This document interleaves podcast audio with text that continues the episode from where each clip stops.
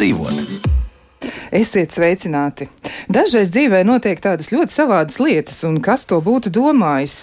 1995. gadā pāris dzeņu, nu tādi apņēmīgi putni, acīm redzot, izkala 200 caurums kosmosa kuģa Discovery ārējās degvielas tvertnes polisterola izolācijas pārklājumā, un rekā nācās atlikt palaišanas datumu. Nu, daži dzeņi, jeb divi šajā gadījumā, savāra tādas lielas, nu, Teiksim, kā ir ziepes, ja, un tad sanāk atlikt lielās lietas. Tā nu kādreiz notiek. Un citreiz arī ir tā, ka kaut kas tāds šķietami ļoti mazs izvēršas par problēmu, ar kuru tomēr ir jārēķinās. Un vismaz kādu laiku. Šodien arī mēģināsim izpētīt, par ko tas viss varētu būt. Nu, atgādināšu arī par sevi. Ar jums kopā ir Kristiāna Lapiņa, pie skaņa pulca Rita Karnača, bet šī raidījuma producenta ir Loreta Bērziņa. Un uzreiz pie temata. Šodien runāsim par to, kā sabiedrība var iesaistīties vēža pacientu dzīvē, jo nav gluži tā, ka pilnīgi visu mēs varam saņemt no institūcijām, slimnīcām, iestādēm un dažādiem aprūpes uh, nu, nezinu, visādiem veidojumiem, ja tādiem, kas eh, varbūt nodarbojas ar palīdzības sniegšanu, tomēr ir vēl tā, nu, cilvēciskā puse. Un tieši par to mēs arī šodien vairāk parunāsim. Un uzreiz iepazīstināšu arī ar studijas viesiem. Pie mums ir Onko alianses valdes loceklis vēža pacients Edgars Āboliņš. Sveicināti! Labrīt! Un vēl esam aicinājuši arī sarunā piedalīties uzņēmēji, biznesa un personāla vadības konsultanti, krūts vēža pacientu psiholoģi Ilvu Lilmā. Labrīt! Nu, es gribētu apjautāties par uzvārdu. Ļoti, ļoti skanīgs un skaists uzvārds. Ko tas īsti nozīmē? Šis uzvārds Igaunijas valodā nozīmē ziedu zeme. Ziedu zeme, tik skaisti, jo Edgars Aboliņam viss skaidrs. Ja mēs uzreiz iztēlojamies. Viņš pats ir zieds. Tieši tā, jā, mēs uzreiz iztēlojamies tādu skaistu pļauju.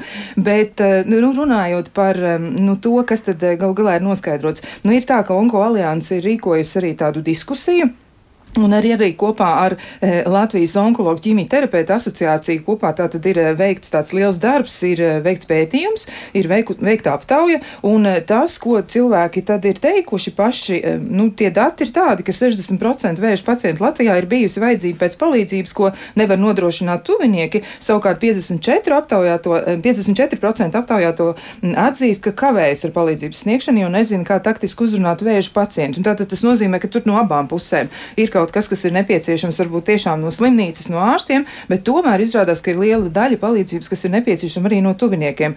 Nu, kā jūs varētu komentēt šos datus, jo tomēr, nu, Tā ir ļoti liela daļa, 54% cilvēku, un vairāk kā puse no tiem, kurus aptaujājat, saka, nu, man ir tā kā nērti, man ir bail, es nezinu, ko lai dara ar šo visu. Nu, varbūt tad uh, Ilve sāks pirmā, ja, un tad noteikti Edgars Aboliņš varēs papildināt.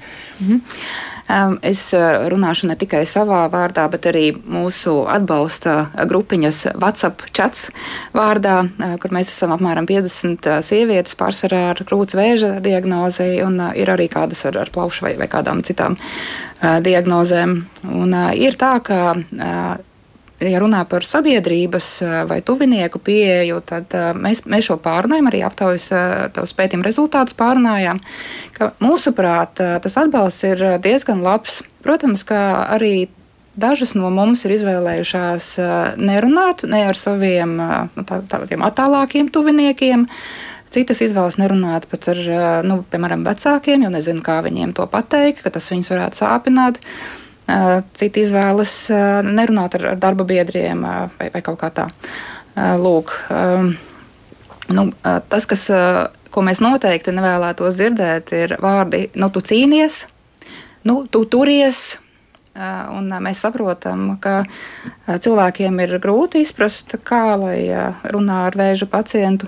Tas, kas mums patiešām noderīgi ir bijis šajā laikā un ir palīdzējis, tas ir tāds prieks, atbalsts, spēks mūsu tuvinieku darba biedru acīs, noteikti nežēlums un, un nu, tādas asarainas runas arī nē.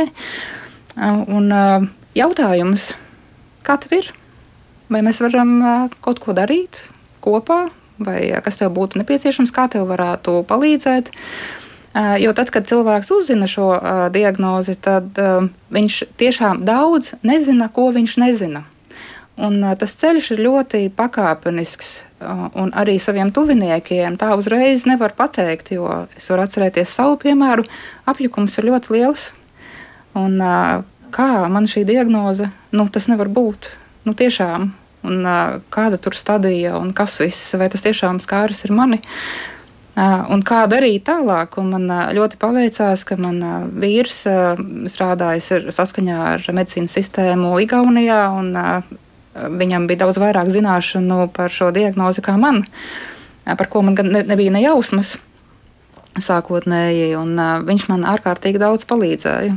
Tā kā veda mani šo ceļu, un arī tas mans jautājums, kā tad man šo ceļu iet, kā es varu atvesaļoties, palikt bez atbildes. Un es neatradu nevienu cilvēku nu, medicīnas sistēmā, kurš tiešām vada manu ārstēšanu. Un es sapratu, ka tā esmu es ka es apzinu to, kas ir šie speciālisti, es saprotu, kā es ar viņiem sadarbojos, kā viņi sadarbojas. Un es pati esmu izveidojusi piecu, sešu labu speciālistu komandu, ar kuriem es strādāju. Un sabiedrībai, un kolēģiem un kaimiņiem patiešām no sirds paldies. Un tas, ko es vēl vēlētos teikt, ka palīdzību ir jāvar lūgt un jāvar arī pieņemt. Un, ja kaut kas nav labi vai ir grūti, tad nu, kaimiņš Armāns man ir ienesis kādus iepirkuma maisiņus, un tāpat kaimiņš Māris ir palīdzējis aiznest, aiznest atkritumu maisu uz tvērtnēm. Un kaimiņiene Inga man ir uzdāvinājusi hidrolātu, ar kuru es varēju sadziedēt savas pēcstarošanas brūces. Tā kā milzīgs, milzīgs paldies visiem cilvēkiem, kuri ir apkārt un uh, kuri man ir snieguši šo palīdzību. Nu, Reikā, tad jūs atzīstat, ka jūs esat bijis tas cilvēks, kas ir vadījis pats to procesu, jau apvienojis visus šos pārējos Jā. cilvēkus. Kā ir jums veicies, kā ir Edgars Aboliņam gājis, kā, kā jums? Nu, Edgars Aboliņš ar kā vēža pacients ir jau kopš 2015. gada. Jā. Un, protams, kaut kāds laiks gāja, bet es pilnīgi piekrītu Ilvai, tad, kad uh, cilvēks un konkrēti es saskāros ar diagnozi vēzi. Vēzis, kuras saņēmu nu, ne ļoti labā veidā, bet tas ir cits stāsts, ja, kā man to paziņoja. Tam noteikti nevajadzētu būt bet pa telefonu. Varbūt, bet varbūt pas, jā, pasakiet, kā nu, tas bija. Vienkārši bija tā, ka uh, es pārstāvu vīriešu pusi. Teiksim, jā, vīrieši, vīrieši, vīriešiem lielākā nu, vēža grupa tomēr ir prostāts vēzis. Un tādā laikā bija citas vadlīnijas, ja, un attiecīgi tika veikta biopsija, un biopsija atklāja šo vēzi. Bet veicot bio, biopsiju, es no, nokļuvu Gaļzera, jau Austrijas Kliniskās slimnīcas uroloģijas nodaļā, nokļuvu ļoti smagā stāvoklī. Ja. Un desmit dienas es tur pavadīju, un tajā desmitajā dienā es rakstos ārā, un es saņēmu telefonu zvanu, nu, nepazīstams numurs paceļ. Nu, un vienkārši pasaka, nu, jums ir vēzis, jums ir atrasts vēzis šūns, praktiski jums ir vēzis. Un tās desmit dienas jau tā bija diezgan pasmagas. Un tajā brīdī, nu, brīdī pazūd viss. Tev nevajag neko tu plāno, ne teātri, ne koncertu. Un tajā brīdī varbūt labākais bija tas, kad es rakstījos ārā no slimnīcas, ja, un man atbrauca sieva, un mēs aizbraucam mājās, un mēs mierīgi to visu izrunājam. Ja. Un, protams, ir jautājumi miljons. Manā gadījumā labi, es varēju griezties pie kaimiņa, kurš ir urologs, onkologs, un šos jautājumus atrisināt ātri, bet lielākajai daļai sabiedrībai viņiem, viņiem nav šās atbildes. Un kamēr cilvēks nezina, ko viņam darīt, kur iet, kurās durvīs klauvē, klauvēties, kas būs, kas vispār būs ar mani. Jo nav jau noslēpums, ka nu, lielākajai daļai sabiedrībai attieksme, viņš atzird vārdu vēzi, vēzis, un tad viņam viņš tā pastāsta, ah, nu, tas jau ir norakstīts bet tā pašā laikā jau, jau nu, pēdējos 10 un 15 gadus onkoloģijas teiksim, ārstēšana ir aizgājusi tik tālu, ka nu, mēs nedrīkstam vienkārši tā, nu, kā saka, palaist to garām, kaut kādas lietas, neaizdarīt tas, kas tev jāizdara. Sievietēm tas ir viens, viens kaut kāds testi, vīriešiem tā ir citi testi. Ja? Bet izdarot to laicīgi, mēs varam turpināt dzīvot pilnvērtīgu dzīvi. Un ja mēs to izdarām par vēlu, nu, tad nāk vīriešiem vienai daļai līdzi tā vecā, nu, vecā padomu laika teiksim, domāšana vai, vai ieradums, kad viņi nesaka. Jo kādreiz jau nu, prostātas antigēnu testu nebija līdz 90. gadam, apmēram 1990. Attiecīgi jau vēzis tika atklāts 3. un 4. stadijās, un tad jau mēs ārstējām līdzekļiem, ka nu, vīrietis vairs nebija vīrietis. Tas nāk līdz šodien ja vīrietis principā ir atbildīgs pret sevi, nu, es gribētu teikt, pret ģimeni, Nu, Pirmkārt, ģimene un tu, tuvinieki, nu, sabiedrība nāk līdzās. Viņam jābūt atbildīgam. Jā. Jo nu, neviens mēs negribam saslimt, bet ja mēs laicīgi neiz, ne, neveicam šos testus, laicīgi neaizam pie ģimenes ārsta vismaz vienreiz gadā. Jā, nu, tad daudz kas ir mūsu pašu rokās. Jā, bet es gribētu arī jautāt, kas bija tas grūtākais brīdis jums abiem diviem? Nu, noteikti jums bija kaut kāds tāds mirklis, kad jūs jutāt, nu, ka nu, nu, vienam izturēt to varētu būt ļoti grūti. Jā, nu, tad, eh, kas, kas bija katram no jums tas mirklis, par ko jūs varbūt varat dalīties, un, un, un tas būtu tas svarīgais, kas ir jādzird tiem citiem cilvēkiem, tiem, kas ir blakus? Nu, man, tas, man, tas, man pat grūti pateikt, ir, jo nu, man ļoti liels paldies jāsaka ir sievai un ģimenei. Jā, jā, nu, daudziem, diemžēl, nav šādas šād, nu, ģimenes, nav sievas, nav tuvu draugu. Nu, tas varētu būt tas kritiskākais mirklis, es domāju, jebkuram. Man, man, manā, manā gadījumā nu, man bija ģimene un sieva, kas stāvēja man līdzās, saprata mani. Uh, Protams, ka ikdienā kaut kur, kaut kādos brīžos, vai ne, eh, nolaižās, varbūt nevis nolaižās rokas, bet kaut kāds tāds nu, sagurums. sagurums, sagurums. Es domāju, nu, nē.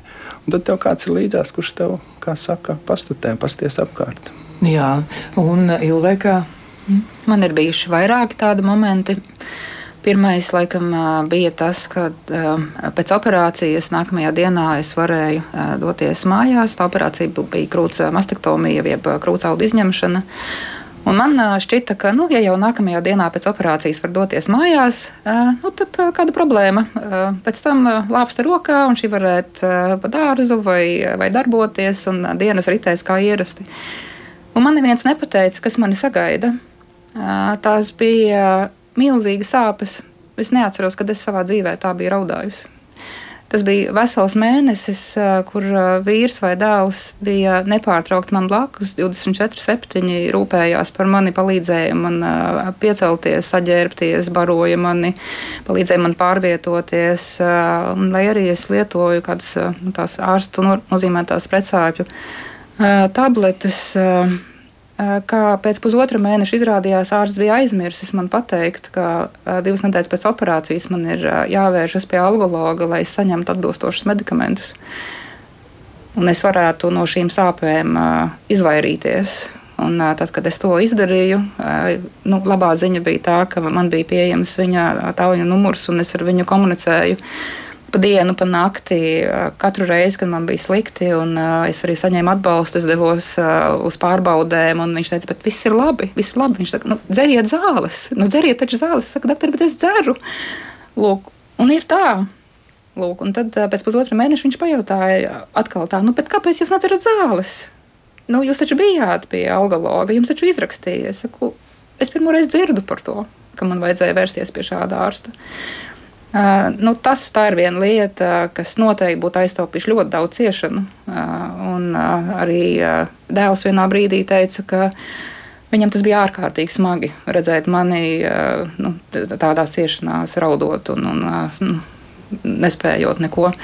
Un, uh, citas lietas bija, jā, kad arī uh, ir ķīmijterapija, tad uh, bija tādas labākas dienas, un uh, bija dažas reizes, kuras bija ļoti sliktas. Un, uh, nu, tad tiešām uh, bija tā, ka vīrs stāvēja man blakus nu, caur dienu. Un palīdzēja, nu, deva padzerties, vai mierināja, vai masēja mani, vai, vai darīja jebko, lai es justos labāk. Un tā kā jā, es pat nevaru un pat negribu iedomāties, kā būtu, ja nebūtu šīs palīdzības. Jā, nu, tā, tas ir absolūti nepieciešams.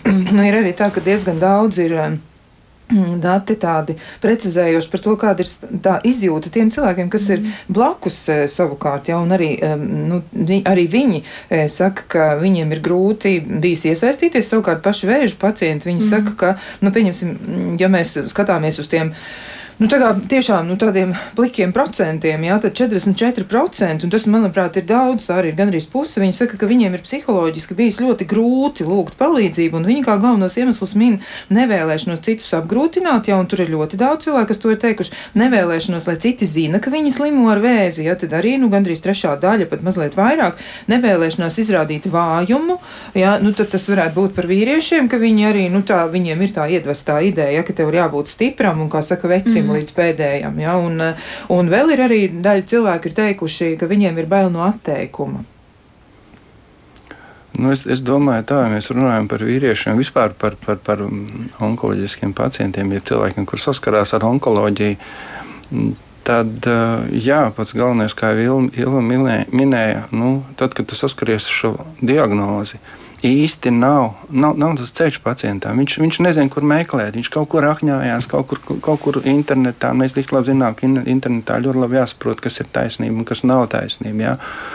Un, ja cilvēkam ir šī informācija par kaut kādiem lielākiem vai mazākiem solīšiem, un viņš zina, kas viņu gaida un uh, kas stāv viņam priekšā, tad kaut kādas lietas pirmkārt viņš pats saprot.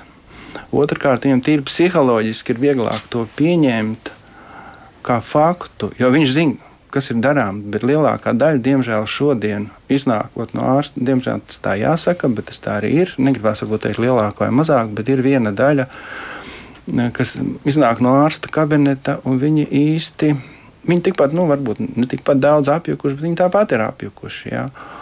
Un tas ir tas jautājums, ko mēģina risināt uh, pacientu organizācijas, jā, konkrēti arī onkoloģijas, kas iekļauj uh, vairāk, gandrīz visus vēža, vēža veidus. Jā. Kas sagādā šo, šo ceļu, lai pacients, tad, kad viņš saskarās, jo nav jau runa tikai par pacientu, ir par ģimeni, par ģimeni kopumā.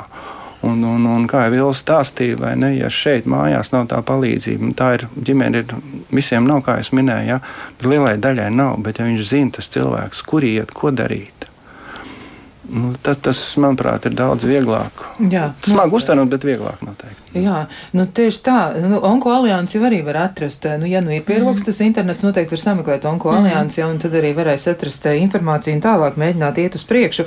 Nu, vēl ir tā, ka m, mm, aptaujai vēl ir tādi ļoti eh, nu, citi būtiski dati ja, par svarīgākiem palīdzības veidiem, ko varētu sniegt kaimiņi vai, piemēram, tie paši cilvēki, kas ir blakus arī tās nevalstiskās eh, organizācijas un visi citi sabiedrības locekļi. Tad tieši vēža pacienti šajā aptaujā ir minējuši psiholoģisku atbalstu un sarunas. Un ticiet vai ne, tie ir 70%. Tas nozīmē, ka tas eh, ir kaut kas, kas ir ļoti, ļoti svarīgs un iespējams, ka lielai daļai no šiem cilvēkiem viņiem nav ar ko parunāt. Jūs abi stāstījāt par saviem mhm. tādiem, nu, tā kā, nu, labiem pieredzes eh, aspektiem, ka jums mhm. bija ģimene, jums bija cilvēki, kas bija blakus, bet daļai cilvēku noteikti nav. Vēl arī ir tā, ka vēža pacienti min palīdzību ar transportu 65,7%. Eh, Tas nozīmē, ka arī ļoti lielai daļai cilvēku nav tās iespējas, un ja kāds mm. strādā vai aprūpē vai ir iesaistīts varbūt tajā ģimenes sistēmā, tad nav tik vienkārši. Vēl ir tā, ka apjautāšanos, kā viņiem klājas, sagaida 57,8%, ieteikumus, kas ir saistīti ar ārstu procedūru pieejamību 47,4%. Nu, šis mani personiski ļoti uztrauc, ja, jo acīm redzot, milzīgai daļai vēža pacientu tā ir gandrīz puse puse viņi atzīst, ka viņiem šīs informācijas trūkst. Tas ir saskan arī ar to, ko jūs abi stāstījāt. Jā, tieši tā. Uh, varu arī padalīties par uh, savu ceļu. Tad, uh, sākotnēji, kad uzzināju diagnozi, tad uh, vīrs vērsās pie saviem kontaktiem Igaunijā, uh, kur ir uh, doktora Tartu universitātes profesori, kur uh, strādā ar mani kā onkonutriciologs uh, un palīdz man saprast, kas ir mana ēdienkartē, kādus vitamīnus es drīkstu lietot, kāds nedrīkstu. Eh, un tā kā man bija svarīgi, lai tā ārstēšana būtu nevis eh, tikai saskaņā ar uh, protokoliem Latvijā vai Eiropā vai, vai kaut kā citādāk, kuriem strādā ārsti, bet lai tur tiktu ņemta vērā es kā cilvēks ar savu situāciju, ar savu dzīves pieredzi, slimību vēsturi un, un, un vispārējo. Tāpēc es vērsos arī pie viena pazīstama cilvēka, kurš iepriekš vadīja onkoloģijas klīniku Jūrmalā. Un, uh, viņš man ieteica vērsties pie integratīvā onkologa. Un, uh, es varu teikt, ka šī ir brīnišķīga pieredze. Tiešām brīnišķīgi, jo es domāju, ja tā pieredze man nebūtu, es nevarētu tik veiksmīgi iet cauri visas tās terapijas, kurām bija jāiet, kuras manā gadījumā bija ar ļoti lielām devām. Lūk, tā kā Šis bija tāds ļoti vērtīgs, un, protams, ka arī sastaptais Rudolfs Šeiko, kas strādā tieši ar vēža pacientiem un palīdz šo fizisko aktivitāti atjaunot. Tas ļoti svarīgi, jo priekš manis, ok, ir šī diagnoze, un man ir lieli plāni. Es gribu dzīvot, es gribu 90 gados ja neskriet, tad nosauļot maratonu, piemēram, ja? vai redzēt, kā izaug mani mazus bērni līdz, līdz kaut kādam uh, vecumam. Un tā ir arī svarīga lieta. Un, uh, ir cilvēks, kas, uh, nu, kā manā gadījumā, ir ar to limfas atteci, tur ir tādas problēmas, ja pēc operācijas, tad uh, ir tāda Marija Sokolova, ja, pie kuras uh, var vērsties un kur palīdz šo sakārtot. ja to zina. Lūk, un cilvēkiem nav šīs informācijas. Un arī tas, ka uh, nodaļā ir plakātiņi ar ziņu par to, ka ir dzīvības koks, vai onkoliansē, vai rozā vilciens, vai kaut kas tāds. Tad, kad ir šīs uh, ciešanas pēc operācijas, vai tad, kad ir uzzināta diagnoze, uh, smadzenes nespēja apstrādāt to informāciju tādā veidā. Es to redzu, bet es nesaprotu, kā es varu iedarboties. Un, šī ir arī viena laba lieta, ko noteikti ir vērts izmantot to pašu dzīvības koku, vai rozā vilcienu, caur ko es dabūju psihologa atbalstu. Caur dzīvības koku es nonācu grupā, kas bija atbalsta grupa vēža pacientu tuviniekiem. Kaut kādā mistiskā veidā es biju domājis, ka es būšu grupā, kas ir tieši vēža pacientiem. Lūk, un arī tas bija ļoti vērtīgi. Es sapratu, ar ko tie cilvēki dzīvo, ar ko viņi dalās. Un, uh, Tiem, kuru tuvinieki ir vēža pacienti, es noteikti ieteiktu vērsties dzīvības kokā, jo tas ir lielisks resurs. Tāpat brīnišķīgs resurs, ko es atklāju arī vēlāk, ja ne uzreiz, ir onkoloģijas centrā psihoemocionālā atbalsta kabinets kur ir uh, kliniskais psihologs, mākslas terapeits, uh, fizioterapeiti, uh, onkoloģiska māsiņa, kur uh, palīdz atbildēt uz kādiem jautājumiem. Tā kā šie resursi ir, bet tas, kas man personīgi būtu bijis ārkārtīgi noderīgi, ir cilvēks, uh, kurš ir mans ceļvedis vismaz sākumā, uh, pirmajā, pirmajā laikā. Jo es nezinu, ko es nezinu, un kurš saprotot, kā es eju šo atvesaļošanās ceļu, pajautāt un ik pa brīdim, nu, klau, kā tev ir? Nu, šajā laikā pēc idejas varētu būt tādas un tādas darbības. Ja? Nu, tu varētu, nu, kā tu jūties, tu vari to izdarīt, nevari, kā tev, kā tev tās lietas. Lūk, tas patiešām palīdzētu, jo es pati esot savā situācijā, man nav resursa ne domāt, ne piezvanīt, ne lasīt kaut ko. Es nevarēju lasīt apmēram 5 mēnešus pēc operācijas. Es biju nu, tā, tādā prāta stāvoklī, stāvoklī jā, ka es eh, nevarēju to izdarīt. Tā kā eh, resursi ir, bet man liekas, ka tas pacienta ceļš vai, vai tas cilvēks, kas ir atbalsts, ir ārkārtīgi svarīgi. Ir ļoti, ļoti nepieciešama. Man pat grūti iedomāties, kā to varētu ieviest esošajā situācijā. Nu, arī tāda pieredze, ka, piemēram, Ir bijis priekšlikums Stradiņas slimnīcā, ka nākt pie cilvēkiem pēc operācijām un nu, iezīmēt viņiem variantus, kā viņi varētu rīkoties. Lūk, un ārsti bija pateikuši, ka nē, jo tad būs pārāk daudz jautājumu viņiem, un viņi nespēs to apstrādāt. Nu, jā. tas izklausās ļoti nelāgi šādi. Tas, šādi jā, jā, un par tiem minētajiem padomiem, ko cilvēki meklē par uzturu vai ieteikumiem vai tā tālāk, to es novēroju arī mūsu grupiņā. Un šeit ir ļoti augsts risks. Ja cilvēks iet ķīmijterapiju, tad šīs zāles var kombinēt kopā noteikti ar kaut kādiem atsevišķiem vitamīniem, ar kaut kādiem atsevišķiem uzturbagātinātājiem, ar kaut kādu atsevišķu uzturu programmu. Un to var zināt un vadīt tikai ārsts. Kur ir problēma? Problēma ir tā, ka ārsts pasaka, nelietot neko, nu, D vitamīnu, varbūt zivju eļļu, ja, un nelietot neko. Un šeit nāk palīdzīgā integratīvā onkoloģija, kura ļoti precīzi sabalansē Ja, kur ārsts sabalansē to, kā cilvēkam iet šo ārstēšanās ceļu un ko viņš tiešām var pievienot, lai sev palīdzētu, nevis uh, darītu. Ja. Tā kā uh, mēs runājam arī iepriekšējā mūsu tikšanās par kaut kādām nu, mušmiru tinktūrām, ko grib piedāvāt, vai zemes taukiem, vai visas ir brīnišķīgas labas lietas. Patiešām, ja tās gudri lieto ja tās pareizi lieto, tad viņas ir atbalstošas.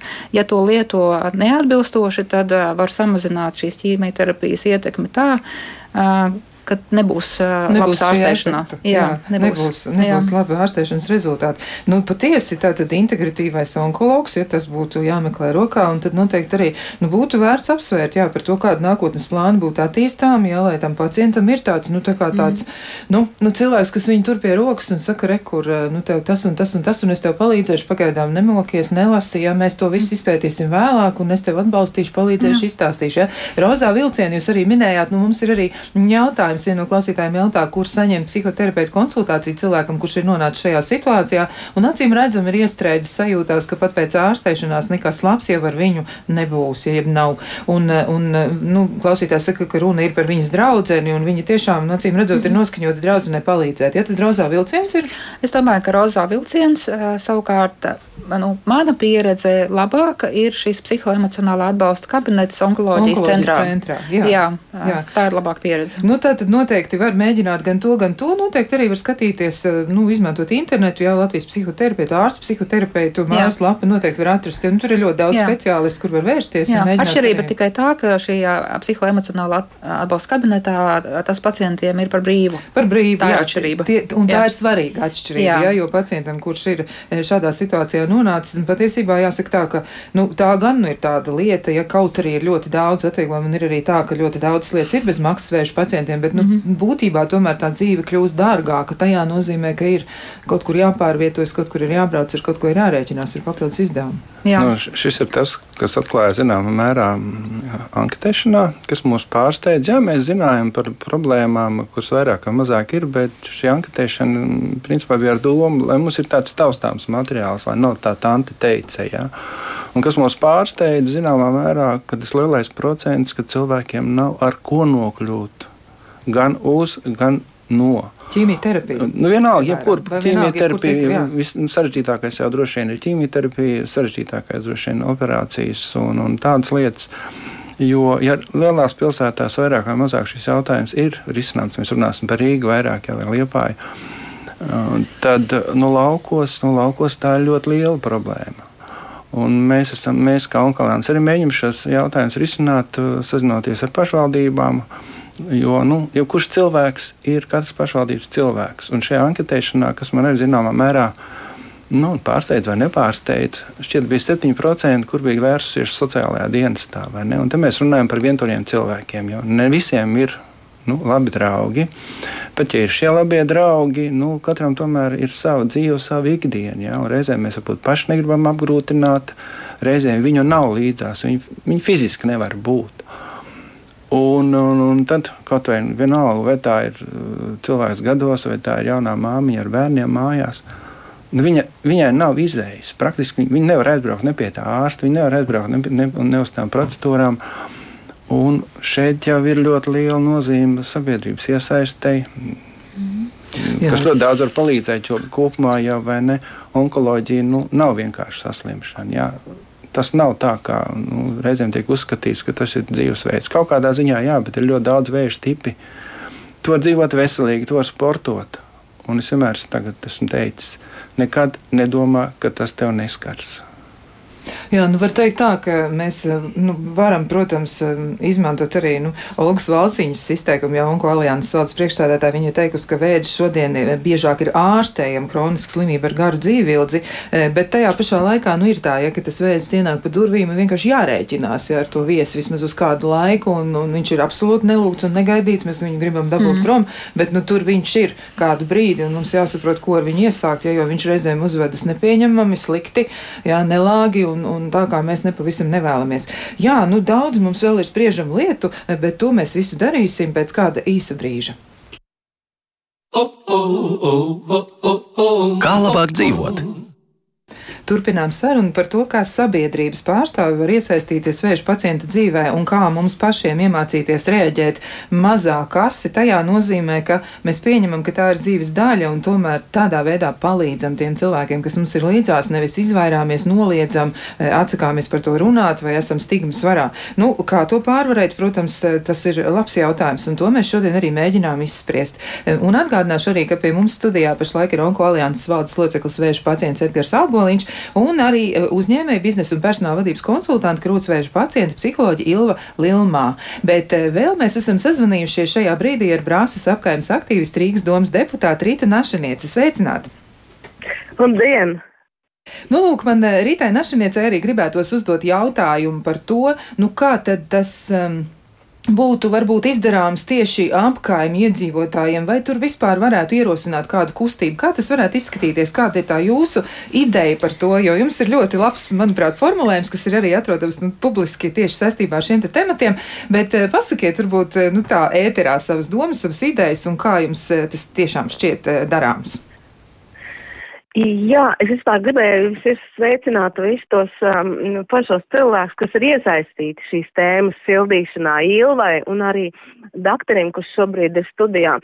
Un mm, apkaimju biedrības ir tāda kustība, kas faktiski ir par iesaistas kultūru. Un iesaistas kultūra norāda to, ka sabiedrība ir vesela, tā paliek stiprāka un tā ir spēcīga. Nu, aizstāvēt ne tikai savas intereses, bet arī daudz plašāk iesaistīties savstarpēji. Tad, kad man bija iespēja runāt par šo tēmu, tad mūsu jau tādā jau mm, agrākajā fāzē, es uzliku tādu mazu, mazu aptaujiņu Twitterī, Un uh, tur es rakstīju tā, esmu bijis trūcīgs vai slims vai cietis no vardarbības un lūdzis palīdzību kaimiņiem vai apkaimes kopienas cilvēkiem. Un šeit bija četras atbildes. Um, Vis, um, nu, visvairāk man iepriecēja, kad jā, un palīdzēja, un tie faktiski bija gandrīz 30%, nu, labi, bišķi mazāk 27,9. Jā, un nepalīdzēja bija ļoti, ļoti, ļoti mazs skaits, mazāk par 3%.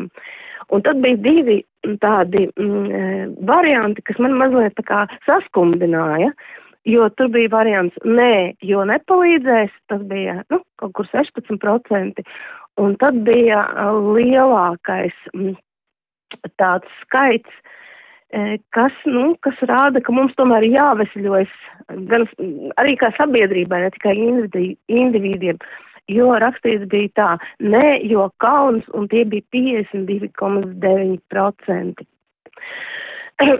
Apkārņu biedrības e, faktiski vairāk ir par interešu aizstāvību, un, teiksim, tādā brasā, kur ir tāda ļoti augsti organizēta apkaime, mēs ļoti daudz darām arī kultūras un organizatoriskajos pasākumos. Sociālā e, sfēra ir visgrūtākā. Visgrūtākā. Un šeit varbūt vajadzētu būt um, kaut kādam tādam um, diviem faktoriem faktiski vajadzētu būt. Viens ir tas uh, institucionālais faktors. Ja ir uh, kopiena vai cilvēki, kas vēlas uh, palīdzēt kādam no slimniekiem, būtu labi, ka mm, kā sociālais dienas, kas šobrīd nu, nedos datus par šādu veidu cilvēkiem, būtu mediātors šādos gadījumos. Un tad tie, kas uh, vēlas palīdzēt un var palīdzēt, varētu darboties starp uh, caur šo sociālo dienestu, jo šobrīd dati netiek atklāti par tiem cilvēkiem, kas, kam apkaimē ir vajadzīga palīdzība. Bet ir otra lieta. Otra lieta ir uh, abām pusēm, gan tai, kurai ir vajadzīga palīdzība, gan tā, kas, teiksim, redz šo kaimiņu uh, vajadzību, uh, droši iet un atbalstīt, jo pēc būtības jau mēs to arī darām, ja cilvēks, ja mēs zinām, ka cilvēkam ir vajadzīgi uz, aiziet uz aptieku pēc zālēm, ja mēs zinām, ka vajag atnest kaut ko no veikala, ja mēs zinām, ka ir nepieciešama mašīnas slimnīca, to visu īstenībā var izdarīt. Vienkārši cilvēkam nav jākaunās lūgt palīdzību. Un, un tādai pašai atsaucībai arī jābūt šī normālajai iesaistas kultūrā. Ukrainas gadījums pierādīja, ka mēs īstenībā esam ļoti noteikti visvidējā uh, humanitāra organizēta sabiedrība. Mēs ļoti daudz ko izdarījām. Arī mūsu apkaimē dzīvot cilvēki. Šķiet, kur kalnā ir uh, ir eh, tieši sabiedrības organizēta, respektīvi, um, respektīvi uh, tur ir patvērums, kurā dzīvo Ukraiņu bēgļi, uh, nu, kas nav pašvaldības ne valsts organizēts. Tad, tad tas viss ir iespējams. Es domāju, mums vienkārši jātīst šo iesaistas kultūru un Nu, no klusējošas nācijas mums ir jāpārvērš par runājošu nāciju arī tad, ja mums sāp. Nu tā. Varbūt ir kāda ideja, jā, varbūt ir arī kāda ideja, kā varētu veidot, varbūt šo te palīdzības, nu tādu tā kā, nu sniegšanas etapu. Vienu varētu izveidot, iespējams, ka tā varētu būt kāda vietne, kur cilvēki varētu piedāvāt to, ko viņi var izdarīt, vai arī, nu, tā kā iedot to savu anketu, es varu aizvest, es varu veltīt tik un tik stundas kādam cilvēkam, un lai nav tā, ka kādam ir jālūdz un viņa lūgums paliek bez atbildes, bet kur ir, nu, tieši izdarīts viss, lai tie cilvēki, kuri var kaut ko palīdzēt, viņi iedod to informāciju, un tad cilvēks, kuram tas ir nepieciešams, viņš tiešām brīvi var izvēlēties un saņemt šo palīdzību, lai viņš atkal nenonāk tādā, nu, nērtā lūdzēja situācijā, jo, nu, tiešām te bija nu, atbildes arī aptaujā, ja, ka cilvēki baidās no atteikuma, kas varētu būt problemātiski. Kā jūs to saskatāt, nu, kādi varētu būt tie risinājumi varianti? Nu, e, e, mūsu aktīvi aktīvismu pieredze ir ļoti, ļoti, ļoti liela loma sociālajiem tīkliem. Un e, pat arī, ja ir cilvēki, kas nelieto konkrēti nu, Facebook vai attiecīgi, nu, praktiski Facebookā ir šīs koncentrācijas organizācijas vietas, kur koncentrējās, teiksim, šī organizācija. Bet, bet arī tad šī informācija aiziet. Es ļoti, ļoti atbalstu. Es ļoti atbalstu uh, Facebook platformas tātad organizatoriskus kodolus. Jo eh, ir kaut kāds mīts, ka sociālajie tīkli ir tas, kur tu uh, pazaudē laiku. Patiesībā sociālajie tīkli ir šobrīd tas uh, rīks, kurā mēs īstenībā kā aktīvisti organizējamies, kur mēs kārtojam savas darba lietas, kur mēs ļoti ātri meklējam palīdzību. Es absolūti atbalstu, um, atbalstu tas, ko vajadzētu uzprasēt. Uh, tas, ko vajadzētu uzpasēt, protams, administratoram ir jāuzpas, jāuzpasē šādu platformu, viņi ir jāpieskata. Jo es pie, pieņemu, ka tur uzrādīsies visādi dīvaini zāļu izplatītāji, kas onkoloģiskiem slimniekiem galīgi nav vajadzīgi, ka, teiksim, tur sāks spietot arī šī, nu, nevēlamā komponente, bet to visu administrators patiesībā var tīrīt, var uzpasēt, un es domāju, ja Onko alianses, teiksim, šādu platformu um, um, varētu uzturēt un iet pa šo ceļu, es, es domāju, ka tas ir ļoti produktīvs ceļš. Nu, tā tad arī šāds variants varētu būt iespējams. Nu, ko liels paldies arī par jūsu pieredzi, un mēs eh, runājāmies ar Brasas apkaimes aktīvistu Rīgas domas deputātu Rītu Našinieci, un noteikti arī nu, šīs apkaimes pieredzi var izmantot. Tātad milzīgs paldies vēlreiz Rītai Našiniecei, paturam prātā arī, ka šāda laba pieredze ir, bet, eh, nu, sarunu mēs varam turpināt arī ar studijas viesiem. Nu, kā jums liekas, eh, nu, vai sociālie tīkli ir izmantojami? Kāda ir jūsu pieredze, ko saka jūsu paziņas draugi un arī jūs paši, ko par to domājat? Vai tas tiešām tiešām ir izmantojams. Jo es varu atzīties, nu, mana privātā pieredze rāda to, ka jā, ka strādā. Jā, mums arī ir. Mm. Nu, katram savu pieredzi, bet arī man šajā gadījumā ir pieredze par eh, palīdzības nepieciešamību. Ziņa man ir sasniegusi, un eh, mēs esam iesaistījušies. Ja, ir vesels pulks cilvēku, kas mm. mēģina palīdzēt, jo mums ir skaidrs, kas ir jādara. Ja, kā jūs uz to raugāties? Kā jums liekas, vai tas darbojas un cik efektīvi? Nu, varbūt uh, Edgars tad sāks. Man gribētu teikt, tā, nu, viena lieta ir atkal lielās pilsētas Rīga, Liepāja, ja, kurās ir šīs um, vai nu sabiedriskās organizācijas vai apkaimju biedrības, ja, kuras ir spējīgas palīdzēt uh, kaut kādās situācijās uh, onkoloģiskiem pacientiem un ne tikai onkoloģiskiem pacientiem, ja, bet tomēr uh, liela daļa Latvijas ir lauki.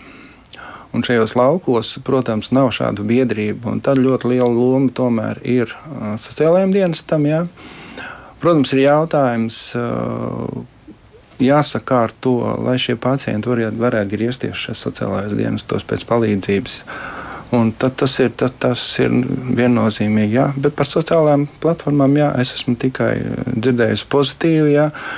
Un pat tādēļ cilvēku, kuri tā kā negrib runāt par savu slimību, viņiem, viņiem šeit ir iespēja iegūt vismaz kaut kādu informāciju, kaut kādā veidā no šī platforma varbūt arī Viņas tā kā pabukņī, ej mm -hmm. tur, jautā, pajautā.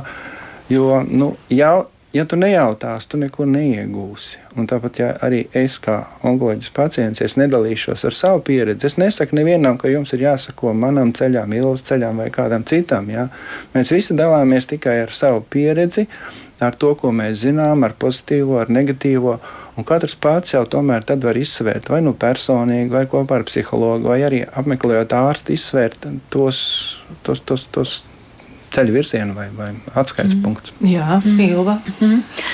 Nu, sākotnēji sociālos tīklos es daudz neko neminēju par to, kā man iet, un tad vienā brīdī es publicēju fotografiju ar to, ka es atrodos ārstniecības iestādē, un nu, tā bija ķimioterapijas diena, ja, kad es esmu atnākusi saņemt kokteilīti veselībai. Man bija milzīgs pārsteigums par tiem vairākiem simtiem cilvēku, kuri atsūtīja man labu novēlējumus.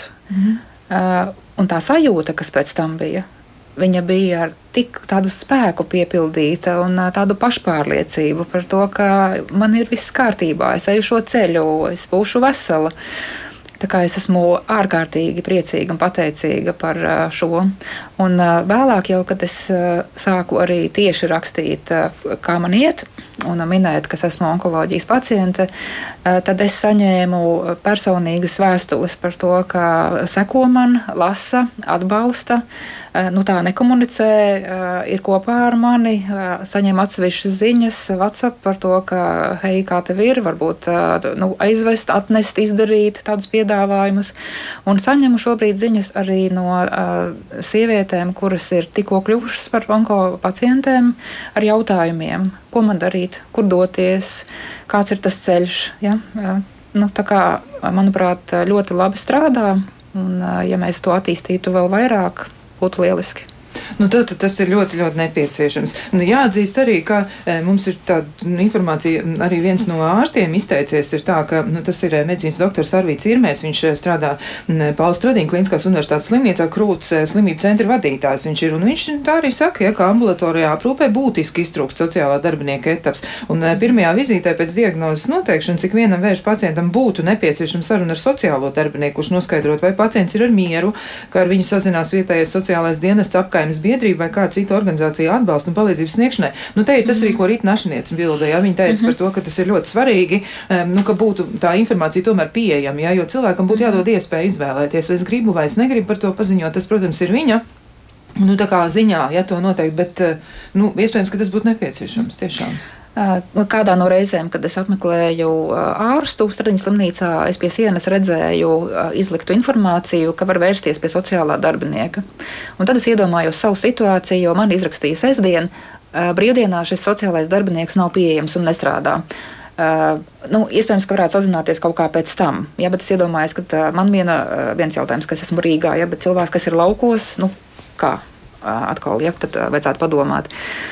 Es domāju, ka Eh, šis nav kā, pacientiem varbūt zināms, vai eh, to nevar pamanīt, vai arī nav tā informācija, ka, hei, eh, tagad būs prom no operācijas, rekura numurs var piezvanīt. Ne tā, ka es atnāku uz vizīti, es gaitinu ieraugu, ah, ir šāda iespēja.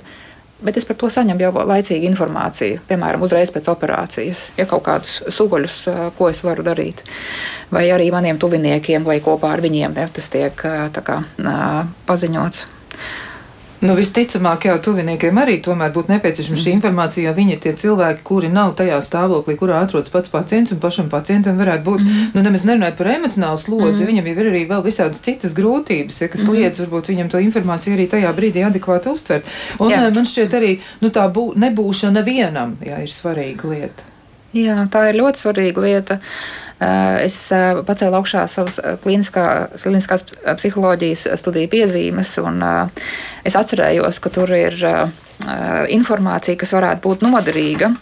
Un, lai cilvēks saskaroties ar kādu smagu diagnozi, nu šajā gadījumā mēs runājam par vēža pacientiem, varētu tiešām veseļoties. Numur viens pirmā lieta no visa saraksta, ja, ko mēs varētu iedomāties, kas tur varētu būt veselīgs uzturs, svaigs uh, bet pirmā lieta šeit ir sociālā integrācija.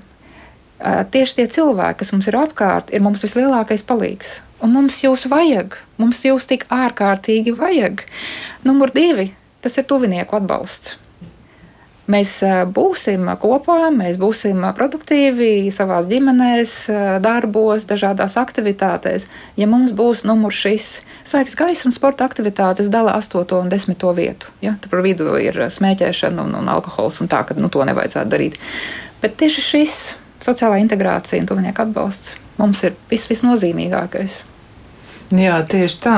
Nu, tas eh, vēl varētu arī nu, tikt risināts noteikti ar kaut kādiem vēl papildus eh, variantiem. Jo, protams, ka tajā brīdī, kad cilvēks jūtas ļoti nelāgi, nu, viņš jau var piezvanīt, piemēram, uz krīzes mhm. tālruņa eh, numuru arī tur noteikti var saņemt atbalstu un palīdzību. Mm -hmm. Bet tas, ka ir tas, nu, tas kaimiņš blakus, jā, vai tas jā. cilvēks, kas ir turpat ģimenē, nu, tas noteikti varētu nozīmēt vēl vairāk. Jā, primāri.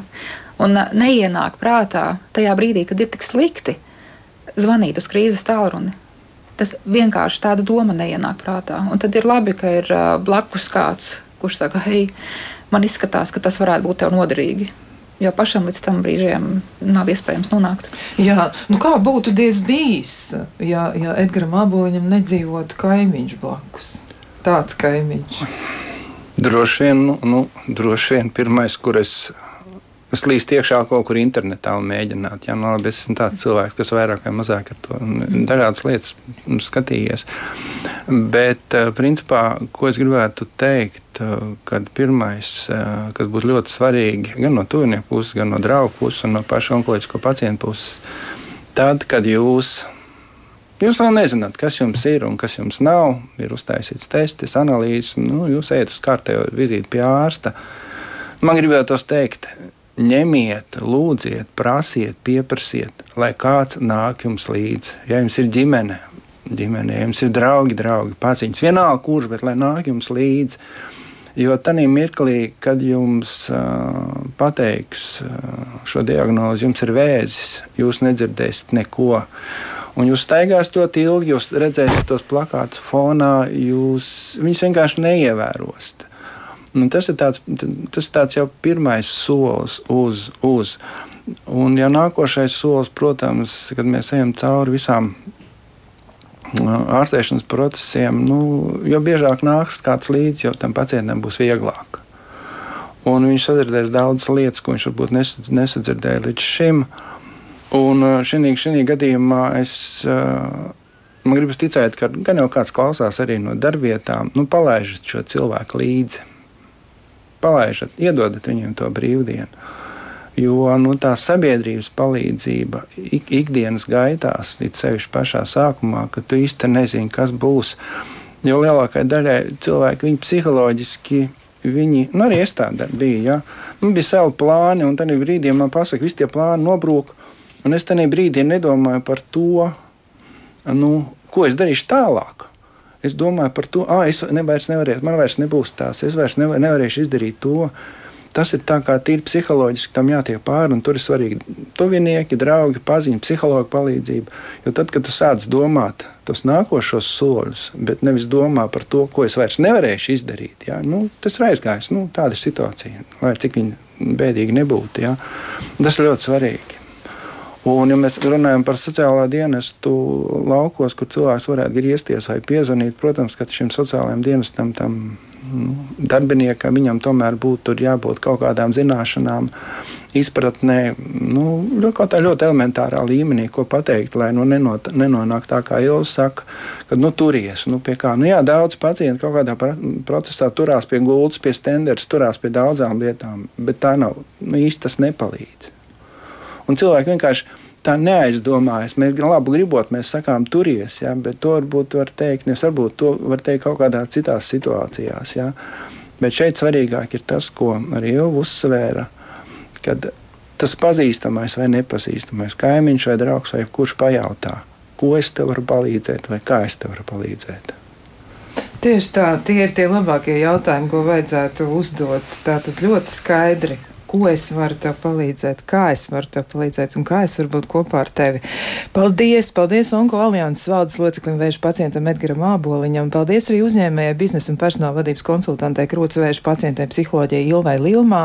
Un paldies arī visiem klausītājiem, kuri šodien bija kopā ar mums. Mēs ticam, ka atradīsies kāds, kas būs ar jums kopā. Mēs ticam, ka ja jums nāksies iet grūtu ceļu, būs kāds, kas kopā ar jums to arī darīs.